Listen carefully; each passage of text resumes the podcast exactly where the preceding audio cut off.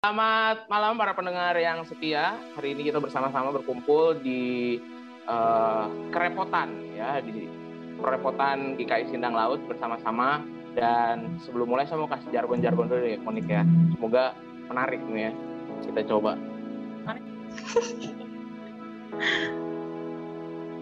ya. Kita pakai saya coba pakai jargonnya dulu ya. Namanya juga masih belajar ya. Repot nggak? Repot nggak? Kerepotan, masa enggak? wow, saya gue malu sih. Ini digituin tetangga ya. Berusaha sih kan kayak Iya. panik panik nggak gitu kan. Cuman jadinya nggak apa-apa lah kita coba aja gitu ya. Ya eh, kita kembali lagi di em, podcast bersama dengan saya Andreas Pasaka dan dengan di sebelah saya Dengan Monica sebagai host yang baru belajar ya. Kok lu nervous kalau gitu agak sih? amatir. Kok lu nervous banget sih? Gak tau aneh banget. Udah lama Kayak mau ujian. Eh, lu aman-aman. Sehat-sehat. Aman-aman, puji Tuhan. Aman-aman lagi ngapain aja lu? Ya, Berarti di ujian rumah udah ya? Ujian apa? Udah udah. Udah, udah, udah. Udah kan kemarin hari Rabu baru selesai UAS hari terakhir gitu. Terus abis itu tanggal 3 lanjut langsung KKN. Oh. Itu. Udah tua ya. Berarti oh, KKN onsite berarti ya? Atau online? Iya, onsite. Dih, serem banget. Onsite, onsite. Sebenarnya itu kok Iya. kayak gitu sebenarnya masih banyak yang banyak Apa yang sih? onsite itu ya Rawan. online ya.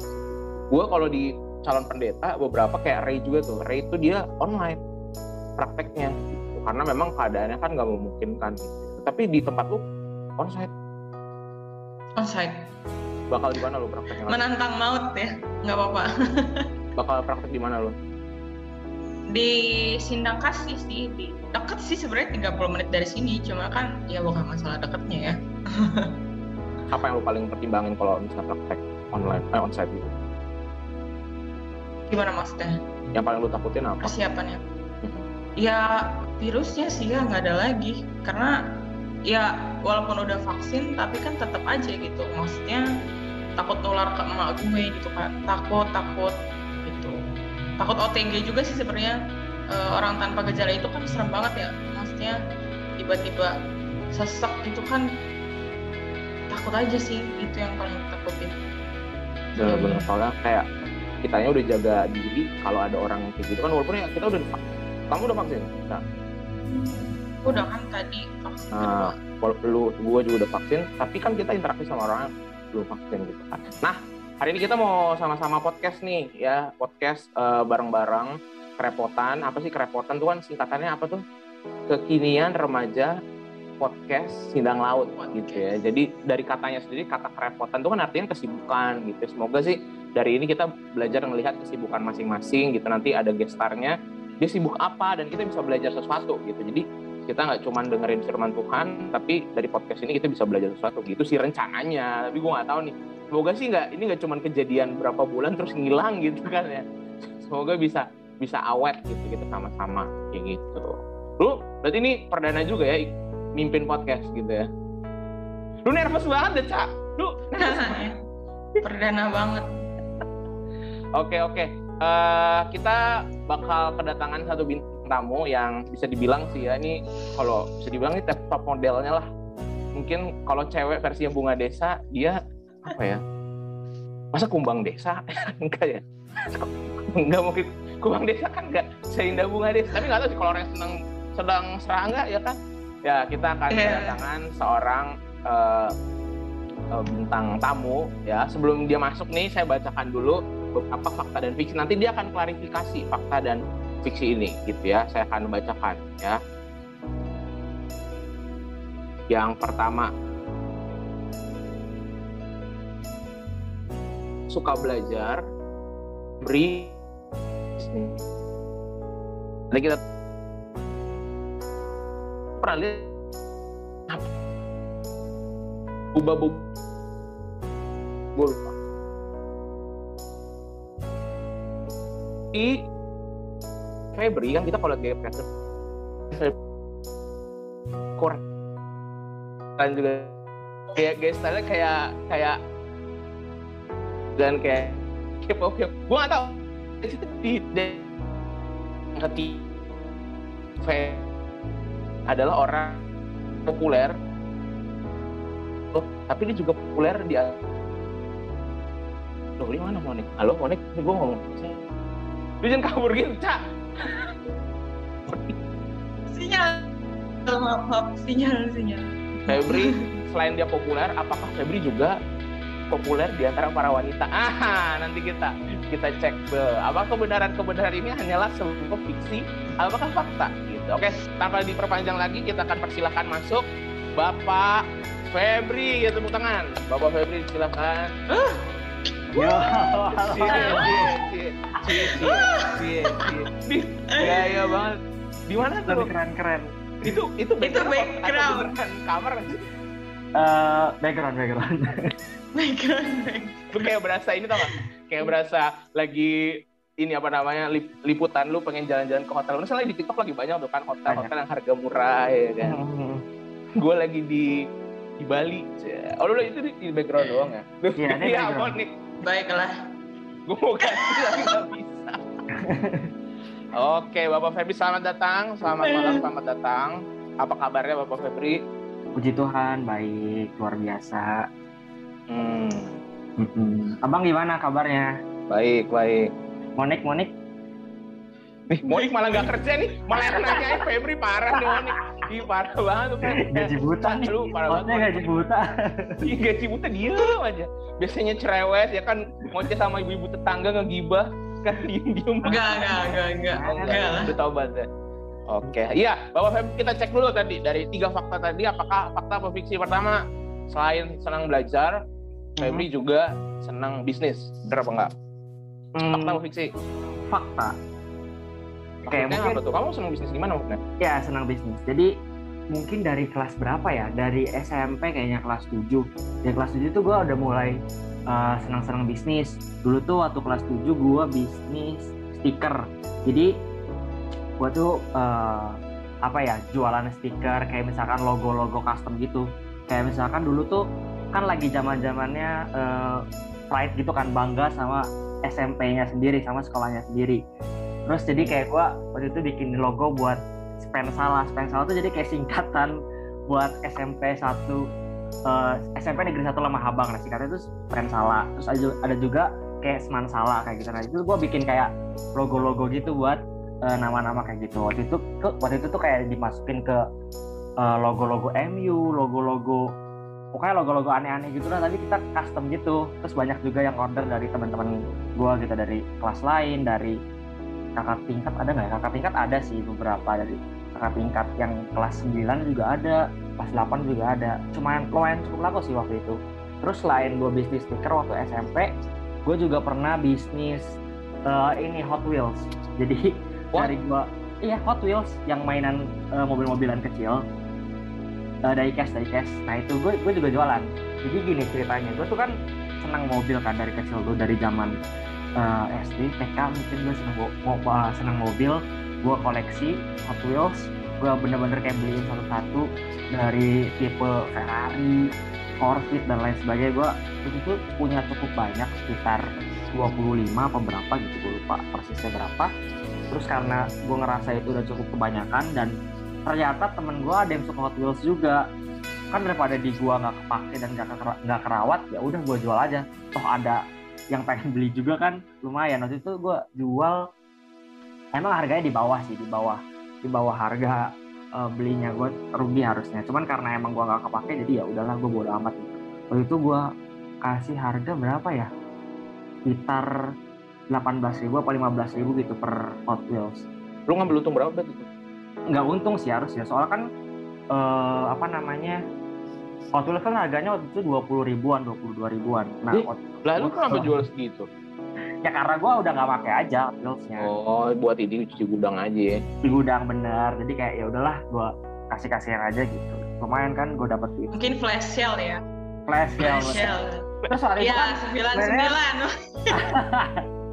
waktu itu kan sebenarnya duit yang gue beliin juga bukan duit gue sendiri kan dari duit masih dari duit orang tua jadi eh, untung sih harusnya kan jadi gue nggak Jadi modal sebenarnya apa-apa berubah. Tapi lu balikin gak ke nyokap lu pertanyaannya? enggak itu mah gak berbakti namanya. Udah gak lu untung, tetap balik modal. Kehidupan orang tua lu. Wah, rusak nih anak. Tapi Cak, Ya, ah, ada lah lu tahu si Febri jualan gitu. kita nggak satu SMP Tapi lu nggak, tapi tapi berarti anak Gresik pada nggak tahu lu nih, ketika lu SMA di sini, ketika lu di Sindang. Kayaknya nggak tahu deh. Oh, lu jualannya gerakan bawah tanah gitu ya? ya? Kayak, iya kayak underground. jual barang-barang ilegal gitu ya. lu di, di terminal gitu kan di tempat tunggu angkot lu oper-opernya bagian tangan gini kan. Ini ambil ambil kasih duitnya gitu pakai kan. topi gitu kan. rambutnya ketutup ketutup gitu. Habis itu lu kasih pengakuan kan. Saya sudah menjual ini selama. Bahasa murah kali oh berarti lu sempat lu emang senang bisnis ya? Terus sekarang lu Ya. bisnis apa? Nah sekarang, oh iya sebelum bisnis gue yang sekarang gue juga sempet bisnis kaos juga gue bikin brand sendiri. Ini brandnya lagi gue pakai nih.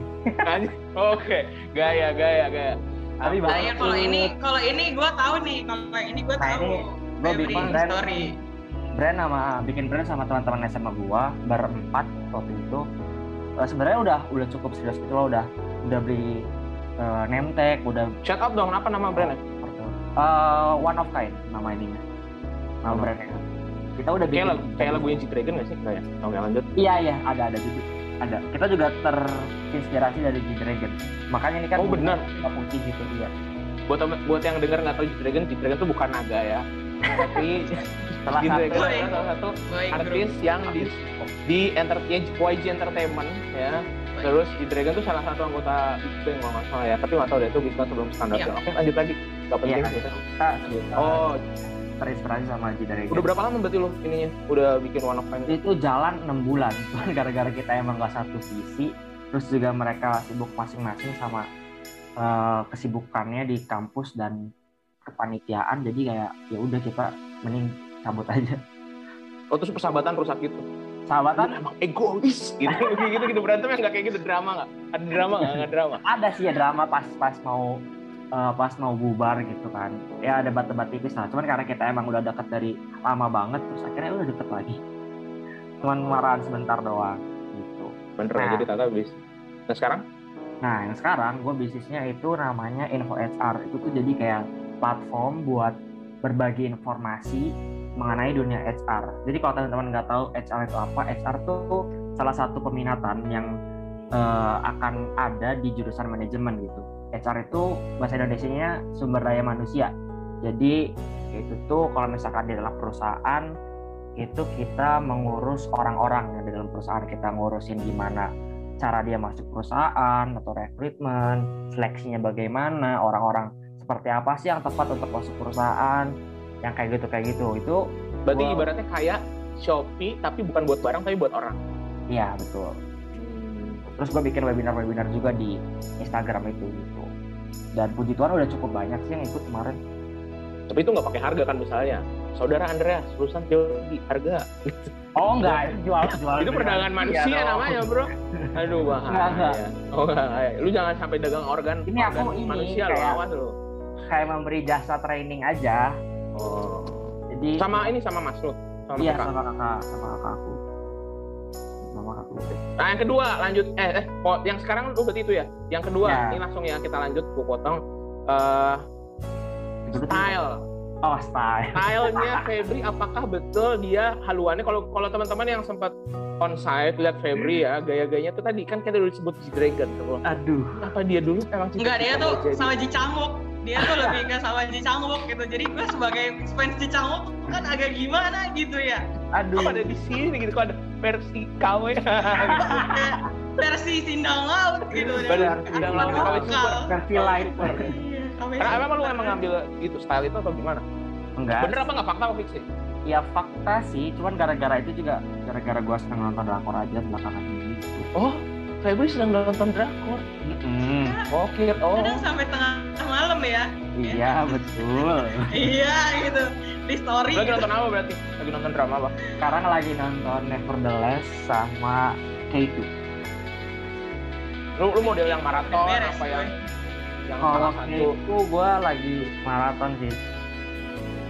maraton tuh berarti teman-teman nonton nontonnya nonstop episode 1 baru dia mau baru mau ending udah langsung di skip langsung masuk ke episode berikutnya gitu. Nggak lagu pembuka dilewatin nonton Iya, lagu penutup iya lagu pembuka di iya benar lagu pembuka dilewatin lah itu ibaratnya orang yang bikin lagu pembukanya itu kayak gak dianggap gitu kayak sedih banget. Capek. Aku udah bikin capek-capek gak didengerin ya kan saking kita editnya marah. capek lagi ya.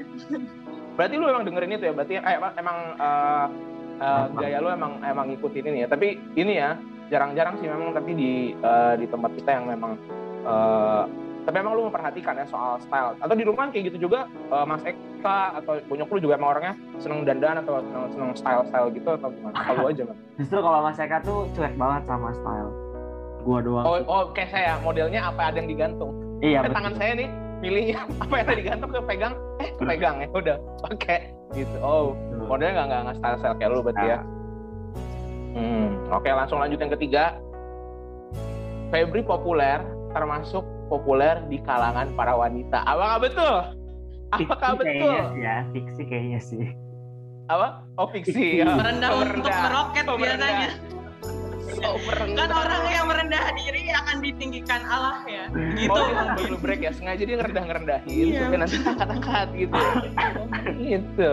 Nah, tapi emang lu orangnya seneng ini eh, bergaul gitu punya banyak temen. Lu kayak aktif banget kalau kita kita denger tuh dari dulu SMA emang lu seneng bergaul sama banyak orang ya Ah, ya senang banget sih kalau misalkan masalah ditanya senang bergaul atau enggak, senang banget gitu. Kalau soalnya kayak gimana ya? Kalau gue tuh emang orangnya tuh seneng ngobrol gitu sebenarnya.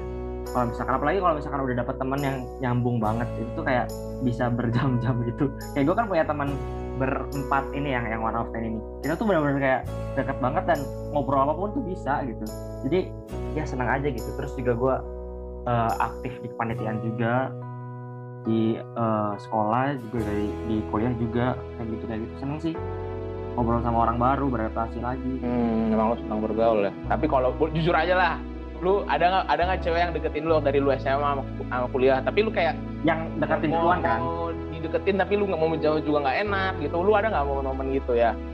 Yang deketin karena gue tahu di Febri gue nggak gue tapi gue nggak mau takut lu ya. Cuman maksudnya gue juga dulu waktu SMA kuliah juga ada teman-teman yang emang KW emang lebih super gitu. Dia emang emang plusnya plus 8 gitu ya. Tapi yang lain yang wah rakyat jelata tuh biasa gitu kan. Tapi maksudnya lu sendiri ada nggak banyak dideketin sama temen-temen ya sih. sama itu boleh Gitu kan? bohong. Dia deket. Oh, bilang sebenarnya kan ketahuan kan orang yang indul kan ngechat peng nah kalau ya biasanya chatnya nggak gue balik di game aja gitu. Karena lu nggak suka ya tapi aja gue juga nggak iya betul. Bukan- kalau misalkan gue dibalik gue kayak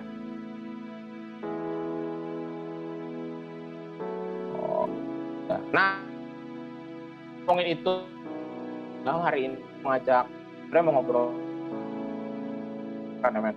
ya Ah, di, di UI. puji Tuhan Itu kenapa lu? Apa lu kan ke mana nggak sih atau cuma UI? gitu? Eh, ketik 10 pas 10 tuh punya eh, siswa siswa karena gue masuk mau demen. Ya waktu itu baik ekonomi. UI ya udah gue tempelin tapi gimana saya tahu eh, caranya. Karena tapi gue waktu itu tempelin dulu di gua kayak tinggi tingginya gitu loh. Tapi gue di gue gitu loh. Karena prinsip gue kalau misalkan sama kayak perkataan mimpilah setinggi langit kalaupun kamu udah minta. Nah hidup gue UI bisa atau enggak dapat unpad. Mungkin gue bisa dapat UNS mungkin gue bisa dapat sebagainya gitu loh. Karena kan ke UI makanya gue di gue kelas. Jadi waktu itu gue kayak menurunkan apa namanya uh, menurunkan target gue standar gue ya gue waktu itu langsung milih ke unpad aja. Milih ke unpad karena ya gue pengen di Bandung lah. Di Bandung kan ada saudara juga adem gak macet dan lain sebagainya. Tuh ya udah waktu itu kayak gue pilih ke unpad. Nah pas kelas 12 gue taruh tuh unpad di SNMPTN dan SNMPTN gue jurusan manajemen sama uh, administrasi niaga. Nah tapi gagal. Padahal di situ puji Tuhan gue padahal ranking satu paralel se SMA tapi uh, Tuhan mungkin punya rencana yang lebih indah buat gue gue gagal gak masuk unpad. Terus juga gue tetap berusaha lagi. Gue tetap belajar walaupun gue udah gagal gitu untuk persiapan SBMPTN waktu itu gue tes dua kali. Dan pilihan pertamanya tuh untuk pilihan pertama itu gue ngambil UNS manajemen. Pilihan keduanya tuh gue ngambil UPN Yogyakarta. Itu ngambil manajemen juga ngambil UNS di Semarang. Kenapa? Karena ada keluarga juga di Salatiga deket. Terus di Jogja juga karena ya udahlah sama-sama Jawa. Mungkin ya bisa sesekali ke, ke keluarga di Salatiga juga gitu kan.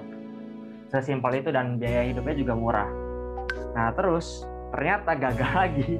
Tuhan punya rencana lagi yang lebih indah daripada uh, eh, UNS dan eh UNES dan UPN Yogyakarta. Terus ya udah karena gue uh, masih pengen berjuang gue waktu itu iseng-iseng tes simak UI itu gue pakai duit sendiri pakai duit tabungan gue sendiri buat tes ke sana sama kakak gue dan puji Tuhan ternyata keterima gitu di, di uh, pilihan pertama jurusan manajemen. Itu. Bu Monik eh malah nih nggak gabut nih udah dibayar mahal-mahal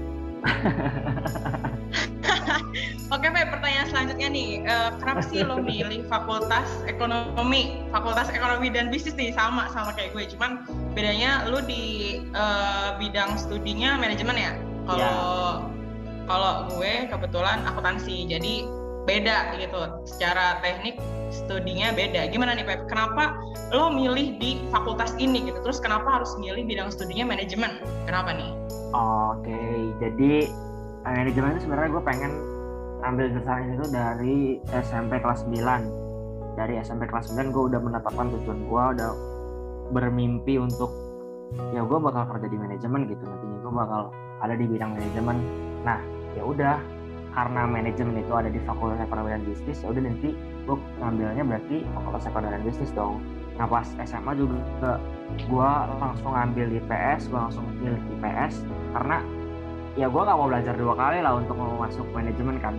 Kalau kalau misalkan gue masuk IPA ya udah gue berarti kan belajar lagi pas kuliahnya atau belajar lagi pas seleksi SBMPTN nya dan gue tuh gak mau buang-buang waktu untuk belajar lagi gitu. Bahkan waktu itu sempat ada temen gue temen SMP gue yang nanya Pep lu kenapa masuk IPS padahal kan lu mampu masuk IPA ya terus gue jawab aja ya gak mau. Gue mau masuk manajemen nantinya pas kuliah. Setimpel itu kayak mereka langsung diam aja lah mungkin mereka belum punya pemikiran panjang gitu kan sampai kuliah. Tapi gue tuh udah punya pemikiran panjang sampai kuliah dan gue nggak mau belajar dua kali gitu untuk pendidikan gue nah bener tuh menurut lo bener tuh? IPA versus IPS apakah selalu IPA lebih superior daripada IPS uh, eh, kalau gue pribadi gue nggak setuju sama stigma itu. Karena menurut lo apa? Ada nggak yang anak IPS bisa anak IPA nggak bisa?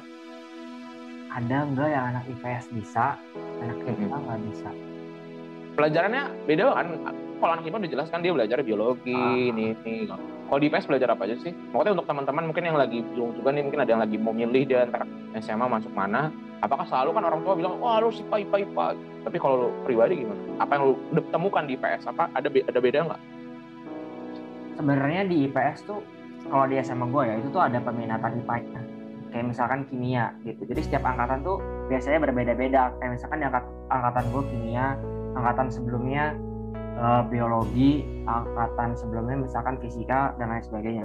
Bisa kayak gitu. Di uh, eh, IPA-nya juga sama, bisa dapat peminatan sejarah dan lain sebagainya.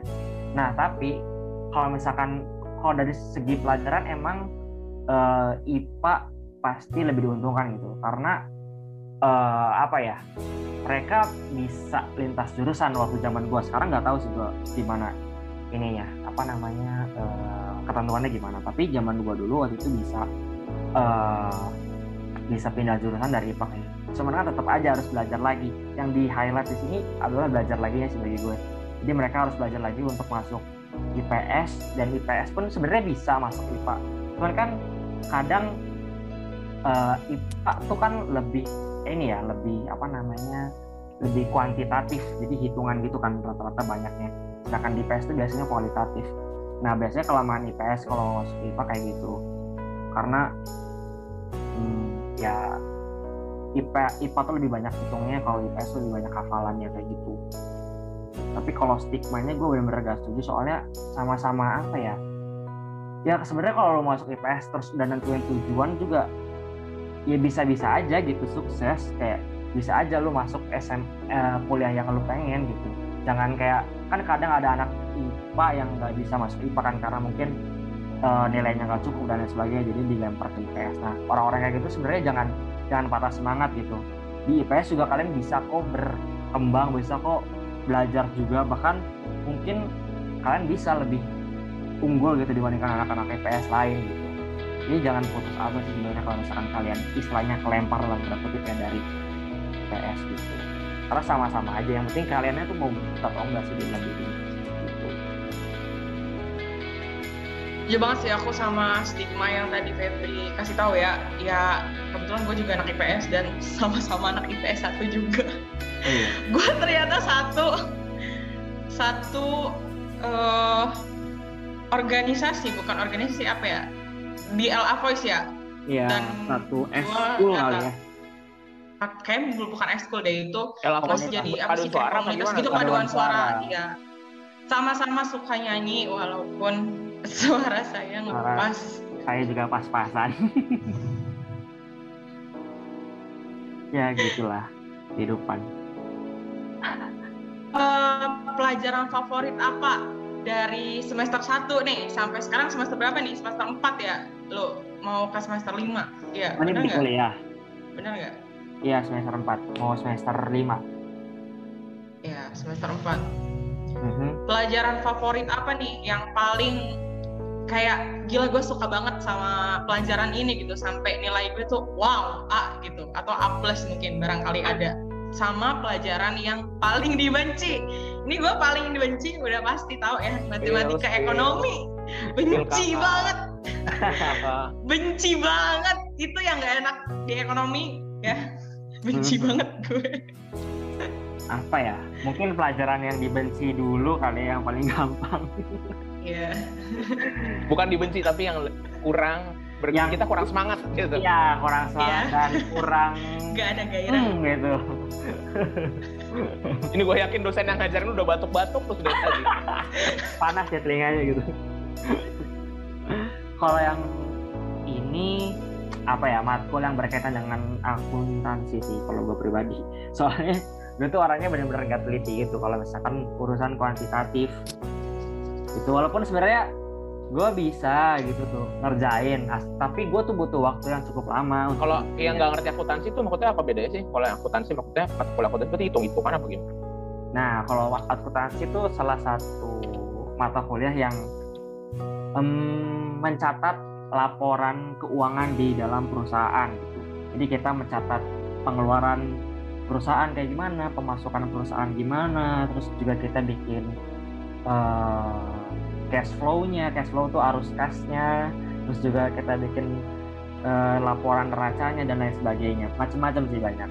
Jadi kalian kalau misalkan kuliah ngambil uh, ekonomi atau manajemen pasti kalian akan paham sih gitu.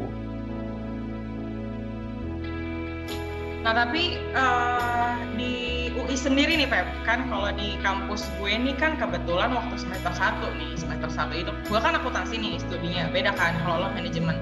Nah kalau di gue sendiri ini tuh waktu semester satu apa semester 2 gitu gue lupa ada pengantar manajemen. Jadi kayak SMA. Kayak kita dapat angkatan gue ini kan waktu kebahagiaannya anak IPS yang pelajaran itu itu kan biologi kan. Angkatan lo tadi kimia ya. Nah, di UI itu sebenarnya ada nggak sih di kampus lo semester berapa gitu? Ada materi yang dari studi sebelah gitu, kayak dari akuntansi. Ada nggak sih kayak pengantar akuntansi? Kalau di gue tuh ada. Anak manajemen juga kebagian gitu, pengantar akuntansi satu dan anak akuntansi juga kebagian pengantar manajemen satu, pengantar manajemen dua dan lain sebagainya. Gitu. Di lu nih ada nggak nih di UI khususnya? Ada kok ada. Di semester satu uh, gue dapat pengantar akuntansi, terus juga dari departemen ekonominya gue dapet um, matkul pengantar ekonomi. Terus juga semester 2 gue dapet apa ya? Semester 2 tuh. Semester 2 kayaknya nggak dapet dari departemen lain. Semester 3 gue dapet uh, mikro dari departemen ekonomi. Sebenarnya setiap semester ada sih cuman kayaknya gue lupa aja. Terus semester kemarin semester 4 gue dapet uh, dari departemen akuntansi itu um, matkul akuntansi biaya untuk manajemen. Dan nilai saya wadidaw jiwa. Apa tuh wadidaw maksudnya? Jelek! Oh lu bisa dapat nilai jelek? Kirain Febri tuh kayak selalu kayak dia pinter banget gitu. Lu udah jatuh juga ternyata ya. Aduh pak. Aduh saya nangis. Oh Febri juga bisa nangis. Oh kirain dia superhuman asli tapi enggak pokoknya gue kalau ngobrol-ngobrol sama teman-teman kirain tuh maksudnya lu tuh pinter banget. Jadi udah aktif terus paham tapi memang rupanya di dunia kuliah beda banget gitu ya. Kalau lu secara pribadi waktu lu kuliah di Jakarta ada perbedaan nggak lu kuliah? Waktu lu SMA di sini terus lu kuliah di Jakarta. Kalau tadi kan kalau bicara soal kuliah kan kemarin kita juga udah ketemu sama orang Maranata waktu itu kan sama uh, sekelasis gitu kan tahu kuliah kayak gimana. Nah kalau yang lebih dalam lagi nih tentang kehidupan. Ketika lu kuliah di Jakarta ada nggak perbedaan? Lu kuliah di Jakarta sama lu belajar di Sinal SMA ya, SMA terus sana ada perbedaannya nggak sih perbedaan jauh banget sih banyak banget gitu. Kayak gue berada di lingkungan gue sekarang yang ada di Jakarta itu kayak waktu itu gue ngerasa kayak benar-benar tertinggal gitu. Pendidikan gue benar-benar tertinggal. Mereka tuh udah paham gitu basic-basic ekonomi kayak misalkan kurva penawaran, kurva permintaan mereka tuh udah benar-benar paham. Dan gue tuh waktu itu pada saat itu belum paham sama sekali gitu. Dan masih banyak bingungnya. Situ gue merasa ketinggalan dan benar-benar kayak gue ngerasa kurang. Dan puji Tuhannya karena gue kayak gue gak mau berada di titik itu terus akhirnya gue terus belajar belajar akhirnya dia bisa juga sih ngejar mereka sedikit demi sedikit. Nah terus kalau dalam lingkungan sosial uh, perbedaannya mungkin uh, ini kali ya cara bergaul. Kayak uh, di sini kan mungkin ini sorry sebelumnya di sini kan mungkin kayak uh, jarang kan ya cewek ngerokok gitu kan. Nah di sana tuh gue cukup banyak menemukan kayak cewek-cewek yang ngerokok gitu yang temen seangkatan. Nah itu tuh kayak awalnya cukup mengagetkan gue gitu ya anjir kok eh ah kok ini cewek kok ngerokok? Sorry sorry. Ini kok cewek ngerokok? Kok kan di sini kan jarang kan yang kayak gitu kan betul kayak, betul betul. Uh, uh, jadi kaget. Terus akhirnya ya udahlah ya, perlahan demi perlahan bisa menerima kalau misalkan kayak gitu. Akhirnya jadi lu yang tadi gue juga uh, pasti kaget banget ya. Waktu gue kuliah di Jogja juga kan nggak uh, cuma anak teologi ya ada anak fakultas lain ya. Hmm. itu kaget, kaget banget asli. Karena gue pikir kan eh terus biasanya kan kalau cewek-cewek kan ya maksudnya kalau misalnya ada ada teman-teman kita yang ngerokok gitu pasti kan di tempat cewek sama ceweknya gitu ya. Mm-hmm. ini mereka berani banget tapi kalau yang di Jakarta yang dulu berarti bisa lihat berarti kan kalau di gue di Jogja mereka nggak di depan anak-anak cowok jadi Oh. pas lagi nongkrong. Kalau di Jakarta mereka tapi nggak kayak abang-abang kan naik kaki. Enggak sih enggak. Kan enggak enggak gitu kan. seserem itu. Sampai naik kaki. Itu serem sih aku juga lihatnya ilfil sih kok kayak gitu. Tapi maksudnya dia pada ini ya maksudnya pergaulannya beda banget ya sama di ya pergaulan cukup beda banget sih sama terus jedak jeduk jedak jeduk nggak? Kalau dulu waktu di sana anak-anaknya pada ngajakin lu gitu nggak? Pep, Kalau- jedak jeduk Holy Wings. kalau kalau aku sih belum Holy Wings. jedak jeduk ya masih bisa membentengi diri untuk tidak ke sana. Tapi teman-teman aku ada tuh yang kayak hampir tiap malam jedak jeduk mulu. Itu bahkan dia Kaya raya ya sepertinya. Buang-buang duit terus. entah kaya raya atau bapaknya satpam di tempat jedak jeduk bisa juga. Aduh itu. Orang itu memang. perang dalam. Oh gitu. Jadi Iya, orang dalam. pergaulannya ini banget ya. Iya. Nah, bahkan misalkan kuliah mata masih beler masih ngantuk gitu masih kayak sayu-sayu gak jelas ada. Tapi se- setelah setelah online gini teman-teman lu gimana? Ada ada jedak jeduk online gitu nggak sih? Enggak kan ya? Nggak ada sih kayaknya. Bayangin lagi ngezoom gitu kan. Jeduk nggak ada. Mereka pada tahu diri sih. Kayaknya. gitu ya jadak diri. mau minum apa juga nutrisari ya bisa di rumah ya. Iya. botol ya. Oh gitu. Tapi eh, enam bulan itu berarti lu walaupun baru enam bulan tapi lu ngerasain eh, perbedaan yang beda banyak banget gitu ketika lu nyampe di Jakarta gitu ya. Selain kuliah ke tadi kan soal kuliah sekarang. Ah, tapi sekarang eh, secara lu pribadi menurut lu perlu nggak sih? Kan kemarin banyak nih bahas kuliah nggak ya? Ada yang kan harus ada kerjaan orang tua gitu. Kalau saya tadi sebelum kita pindah soal eh, tinggal tempat tinggal lu penting nggak buat lu kuliah? Buat gua hmm, penting. Kenapa? Karena di kuliah tuh kita bisa dapat eh, keterampilan dan pengetahuan. Itu udah jelas dong. Kita keterampilan dapat dari organisasi, kita keterampilan itu kita bisa dapat dari kepanitiaan yang kita ikuti. Keterampilan itu bisa macam-macam. Bisa soft skill, eh, kayak misalkan eh, komunikasi, kerjasama, leadership, dan lain sebagainya. Itu tuh hanya bisa didapat ketika ikut kepanitiaan dan organisasi di kampus. Jadi buat teman-teman nanti nih yang mau kuliah, uh, usahainlah aktif di dalam organisasi karena bakal dapat uh, keterampilan yang banyak banget dan itu pasti bakal uh, berguna gitu dalam kehidupan bekerja gitu nanti. Nah terus kita dapat pengetahuan, ya pasti dong kita dapat pengetahuan dari semester 1 sampai semester 8 kalau cepet gitu uh, kita bisa dapat pengetahuan, kita bisa ngerti teori-teori dasarnya kayak gimana, terus juga cara aplikasinya gimana, ya, dan itu tuh uh, sebagai pondasi awal kita uh, bekerja nanti. gitu. Terus juga jangan lupa kalau misalkan kuliah itu adalah uh, standar pendidikan terendah saat ini. Jadi untuk uh, teman-teman yang mungkin mau kerja kantoran, mau kerja uh, di perusahaan itu tuh sekarang standar pendidikan terendahnya itu eh, sarjana gitu. Jadi ya kalau kuliah kalian bisa memperbesar peluang kalian bisa kerja di perusahaan yang benefit lah gitu. Terus juga kalian bisa dapat teman yang berbagi dari berbagai macam daerah, dari seluruh Indonesia mungkin dan juga ada juga dari luar negeri. Jadi di kampus gue juga program kelas khusus internasional itu eh, ada kayak pertukaran pelajar gitu deh dari negara lain ke kampus gua. Jadi itu tuh ya udah kita bisa ketemu sama mereka kita bisa ngobrol sama mereka dan lain sebagainya gitu. Terus juga terus PDKT deketin. PDKT kan enak ketemu bule.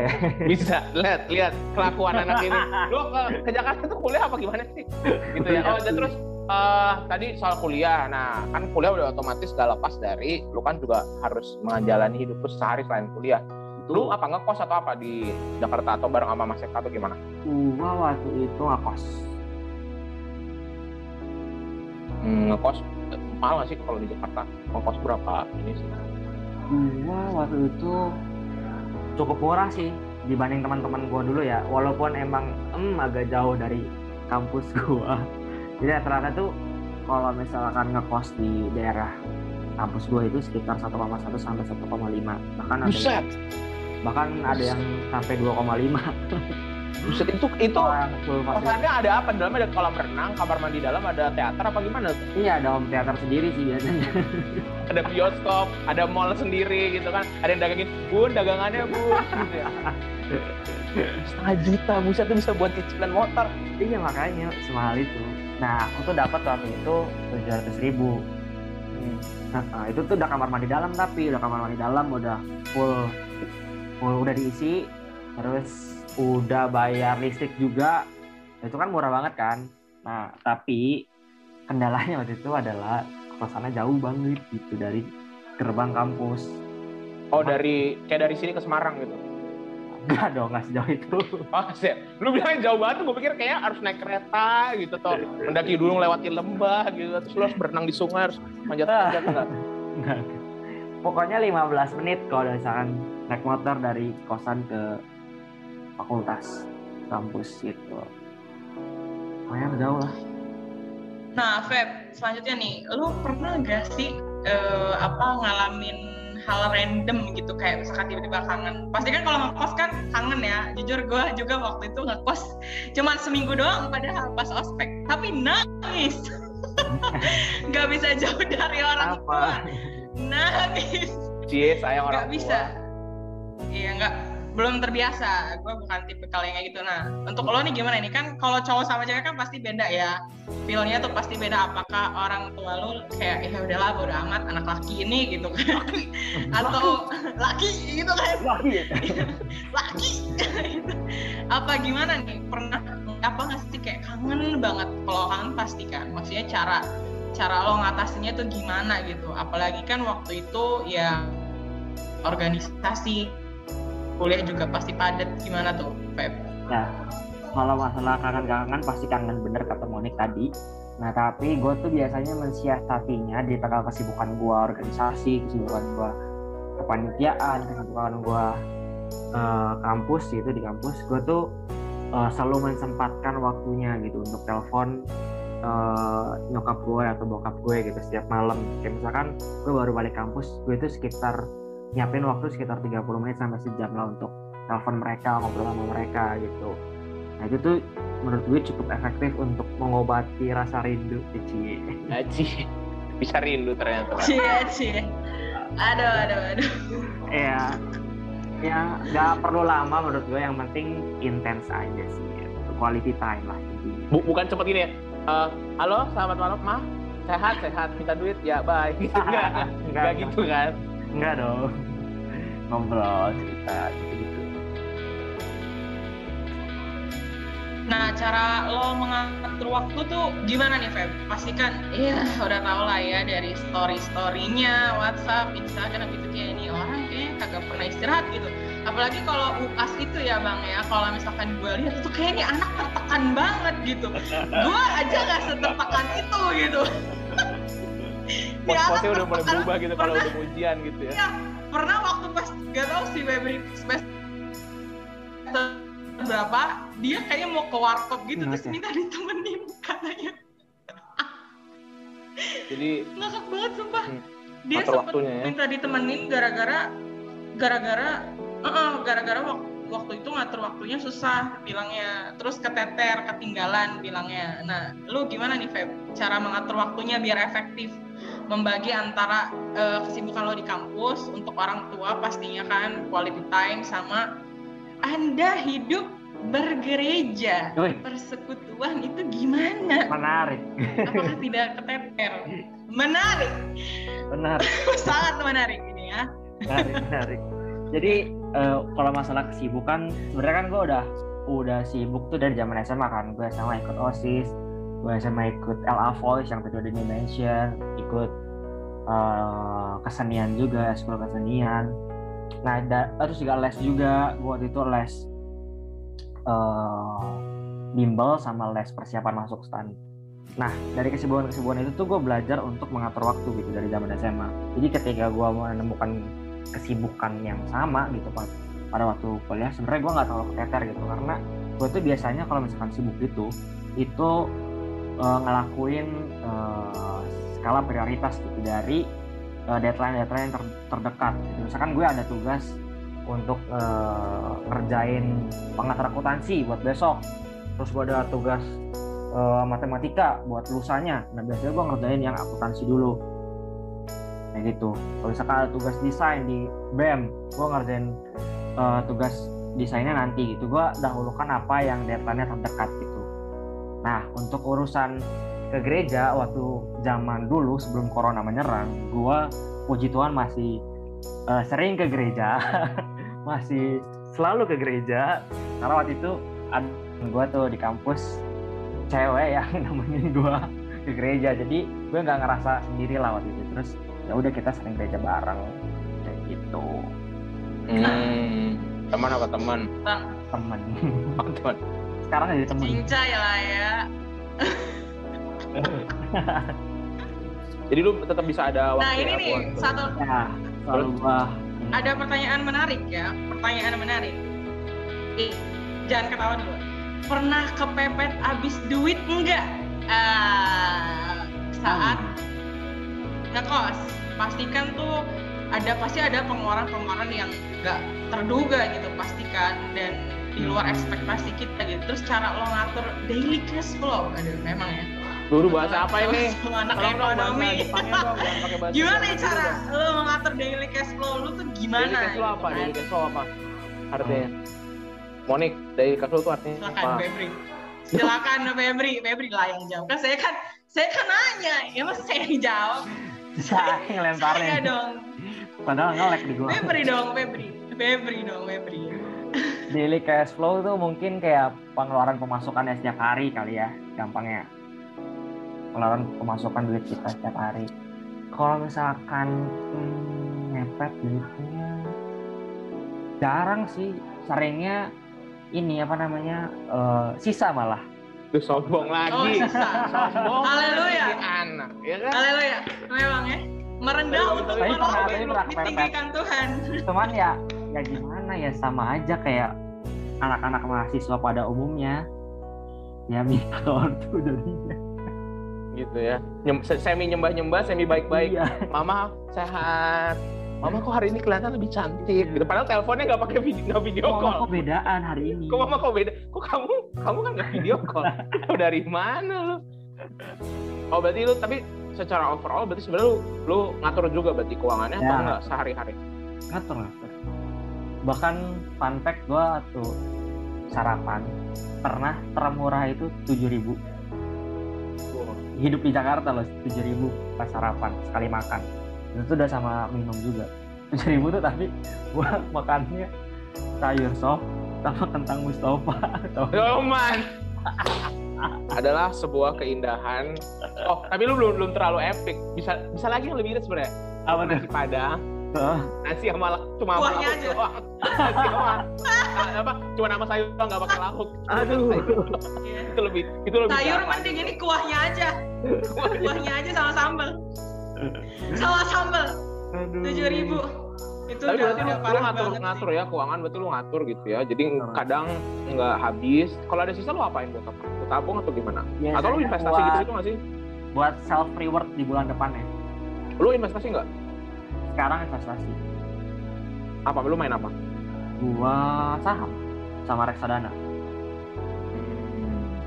Gitu ya. Jadi ada ada ada buat reward ada buat buat karena lu tadi udah tahu prioritas gitu ya. Ya betul.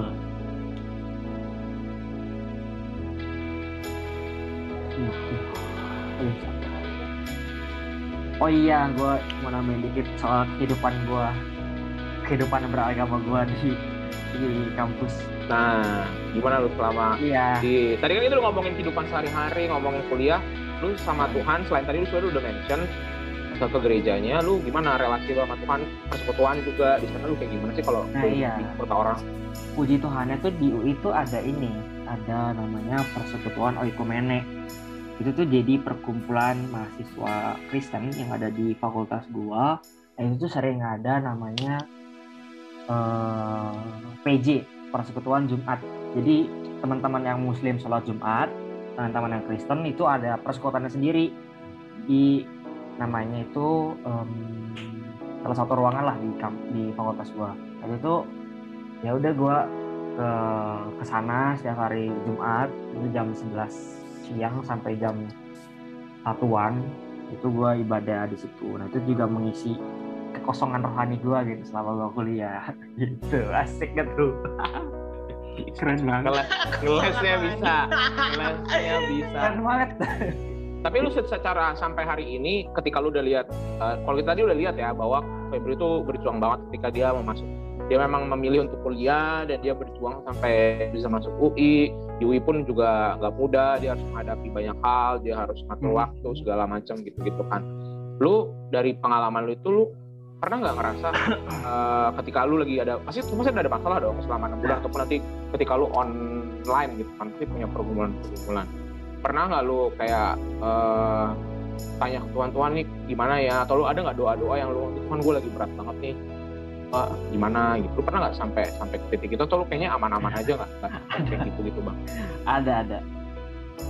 Terus jawaban Tuhannya kayak cepat gitu atau lu gimana ketika lagi ngadepin masalah udah berdoa apa yang lu alami Em, ada ada.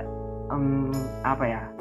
Kan gua sebenarnya masuk UI itu nggak nggak terduga gitu kan. Soalnya gua udah gagal SNMPTN udah gagal SBMPTN gitu kan. Nah masuk UI itu menurut gue bener-bener mujizat banget dari Tuhan kan.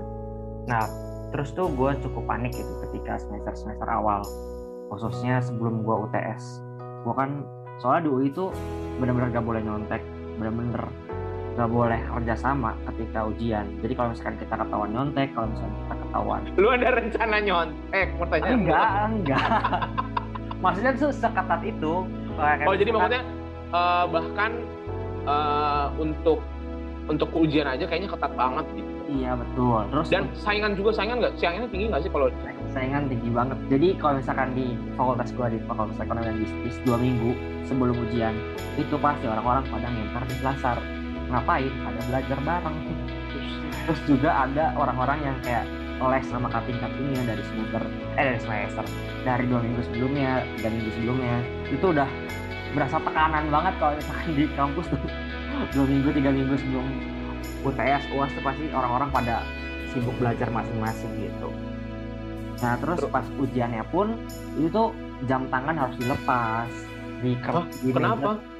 Ya kan barangkali oh teknik-teknik pencontekan yang zaman Iya, sekarang udah makin iya. canggih ya iya betul. Oh.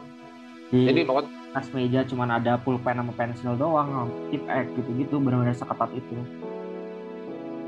ya jadi lu ya paling ketika udah ujian udah lu maksimal walaupun lu kadang nggak ragu ya udah lu andalin Tuhan aja ya udahlah Tuhan gue udah berusaha gitu ya kadang-kadang kita udah perlu nyerahin aja sama Tuhan apa yang kita bisa gitu ya iya berarti eh Feb eh, kita bisa lihat ya teman eh, kita bisa lihat para pendengar para netizen netipot yang mendengarkan ini kita lihat bahwa memang eh, Febri ini udah berjuang banyak lu udah eh, dari kuliah lu dan ternyata tantangannya banyak banget ketika lu juga harus hidup sendiri gitu ya lu anak bungsu kan ya kan Iya bungsu betul. Nah, pasti ngerasain ketika lu jauh dari orang tua dan lu juga tadi ya banyak banyak pergumulan-pergumulan yang lu hadapin. Nah, Mm. eh, kita ini udah ada di penghujung. Nah, kalau kita boleh dapat nih eh, satu kata-kata atau kalimat mutiara dari Febri dan sedikit dijelasin kira-kira dari lu udah kuliah eh, enam bulan onsite, kemudian juga lu online sampai hari ini, apa pelajaran yang lu bisa petik dan lu bisa bagi ke kita gitu. Untuk kalau ada teman-teman yang mau kuliah di luar kota atau kerja ya, di sini teman-teman yang aku mau tegasin lagi sebelum Febri ngasih kata-kata eh, penutup, teman-teman eh, baik teman-teman yang mau kuliah ataupun teman-teman yang nerusin pekerjaan orang tua semuanya sama aja sebenarnya tadi kata Febri benar jadi itu kuliah cuman membuat eh, eh, celahnya lebih luas aja gitu. tapi tetap tetap tetap kembali ke teman-teman semua kayak gitu ya. Apa pun yang teman-teman lakukan. Dan juga tadi soal orang daerah sama orang kota kan kadang kita ngerasa aduh gue ya kalau kok Febri aja minder di UI ya udahlah kita ngapain kuliah di luar kota gitu ya. Jangan teman-teman tadi Febri kok Febri bilang justru ketika kita ngerasa minder oh ternyata gue nggak sepintar mereka. Itu bukan karena kita yang salah. Karena tempat pembelajaran kita di sini yang nggak jauh kurikulumnya yang kurang gitu. Jadi bukan karena apa karena saya kurang pinter bodoh enggak. Tapi karena kurikulumnya di sini tidak membuat kita bisa berlari sejauh mereka. Karena itu berarti apa yang bisa kita lakukan? Kita harus berlari lebih jauh dari mereka nah jadi teman-teman eh, kira-kira dari Febri nih ada nggak kata-kata yang bisa eh, atau hasil refleksi hasil penemuan kamu di Jakarta dibagi kita? Paling menurut gua ka- kata kuncinya ya berserah aja sama Tuhan sih. Jadi apa pun kondisi lu kalau misalkan lu eh, merasa susah nanti kalau misalkan adaptasi sama teman-teman baru di mana pun kalian berada gitu baik tempat pekerjaan yang baru di luar kota baik di eh, kampus lu di kuliah lu apa pun itu berserah diri aja kalau misalkan kalian ngerasa kesusahan kalau misalkan ada masalah sama uh, rekan kerja atau sama teman itu berserah diri aja sama Tuhan karena pasti nanti uh, ada jalan sih buat uh, permasalahan kalian kayak gitu. Mungkin gitu aja dari aku dari gue. Gitu ya jadi andalin Tuhan selalu gitu ya. Karena memang kita nggak pernah tahu ke depan kayak gimana gitu ya terima kasih Febri sudah bersama-sama dengan kami berdua di uh, acara kerepotan ini. Semoga ini jadi berkat buat teman-teman yang dengar ya. Dan juga saya percaya teman-teman yang dengar tidak hanya yang baru mau kuliah ada juga yang udah di luar kota ada yang kerja ada yang juga lagi mau kuliah ada yang juga sudah kuliah. Semoga apa yang di- kita dapat ini buat ngingetin kita lagi gitu. Bahwa kita jangan pernah takut sendiri ada Tuhan yang nemenin apa pun yang kita pilih. Dan berani sih tadi ya berarti berani ngambil langkah juga ya Feb ya. Lu juga kan ada ada bisnis sama segala macam berani gitu ya.